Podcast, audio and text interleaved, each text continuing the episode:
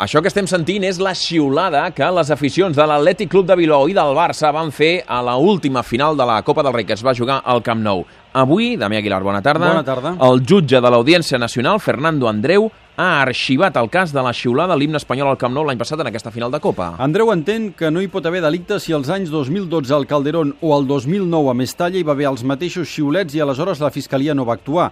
La denúncia la va fer el sindicat ultradretà Manos Límpies. El jutge Fernando Andreu diu que cal considerar el que va dir la Sala Penal de l'Audiència Nacional el 2009 que la llibertat d'expressió és la pedra angular dels principis de la democràcia. Saludem el Xavier Vinyals, que és el president de la plataforma Pro Seleccions Catalana. Senyor Vinyals, bona tarda. Hola, bona tarda. Al final ha passat el que vostès defensaven, i és que xiular l'himne espanyol no és un delicte. Òbviament. Um, ja s'havia produït en ocasions anteriors, en aquelles ocasions la Fiscalia, eh, malgrat que també havia rebut denúncies de eh, aquest sindicat ultra i altres organitzacions, eh, no havia actuat el Ministeri Fiscal, però sembla que aquesta vegada hi ha hagut un canvi de criteri per part d'aquest Ministeri Públic i aquesta vegada sí que havia decidit sumar-se a la denúncia de la Fiscalia veient que hi havia indicis d'algun tipus de delicte. Uh -huh. algú, algú podrà opinar que si, si un himne sigui un fet, no sé, poc elegant, no? Inclús reprovable, no? Però en tot cas ningú pot opinar o esperar o desitjar que sigui un fet sancionable, no? I això és el que intentava la Fiscalia, que és, recordem, una organització que depèn directament dels mecanismes de l'Estat i un sindicat, diríem, eh, per dir-ho suaument, de tendència ultradetrana. Que és Manos Límpies. Correcte. Eh, vostès havien arribat a patir perquè també fins i tot s'havia posat molt el focus en aquelles entitats que havien allò eh, alentat aquesta, aquesta xiulada de l'himne i vostès havien estat un dels que, dels que ho havien defensat en la prèvia. No, nosaltres no havíem defensat això. Sé que hi havia hagut altres entitats que sí que ho havien fet i havien demanat que es xiulés.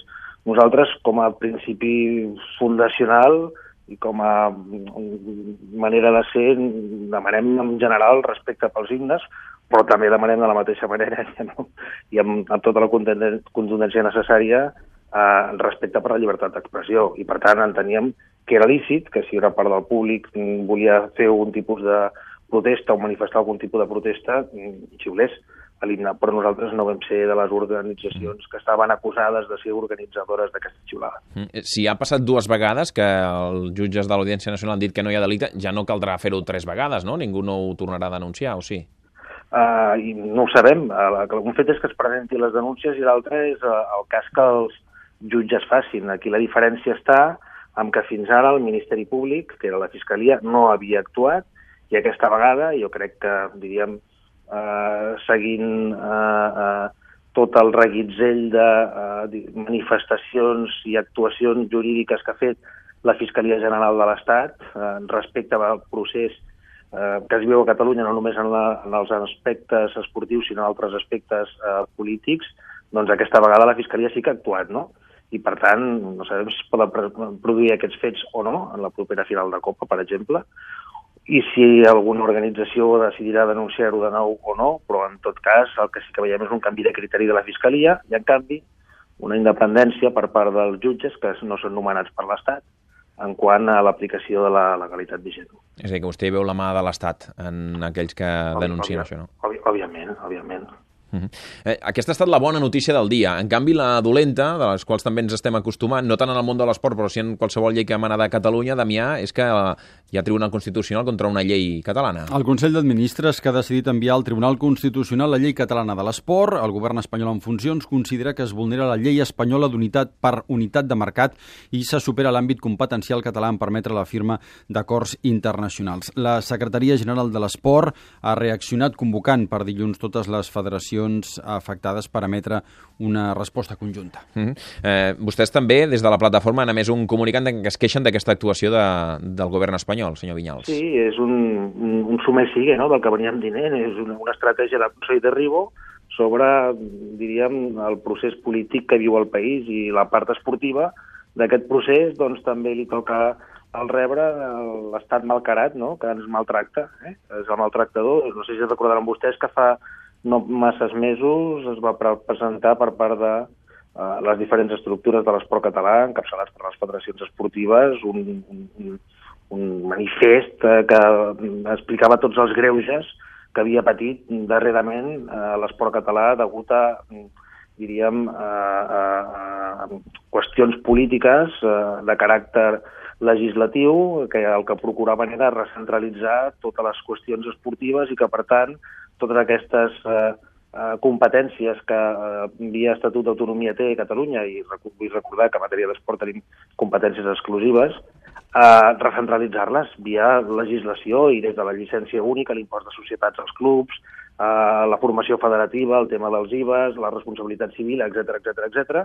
havia anat fent tot un seguit d'actuacions que, que ofegaven a l'esport català. I aquesta doncs, una altra, una més, i forma part no d'una estratègia només referida a l'esport, no ens enganyem, sinó que és una estratègia global de l'Estat de caràcter recentralitzador i de, no sé, de, de castigadors, no? De, escolta, aquesta gent estan fent unes coses que no ens agraden, anem a castigar-los. Mm. Eh, vostès s'afegiran a aquesta, aquesta crida que fa la Secretaria General de l'Esport per tal de fer una resposta unitària a aquesta decisió avui del govern espanyol o no?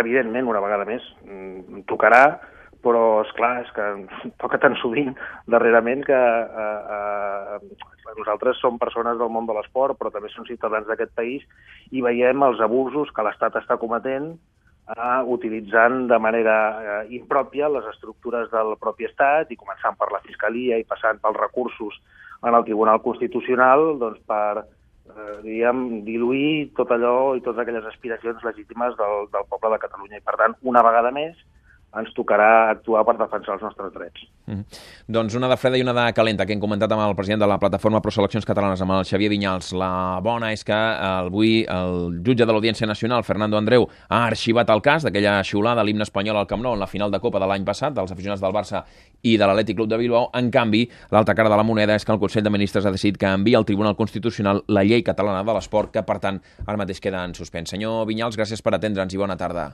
Gràcies a vostès.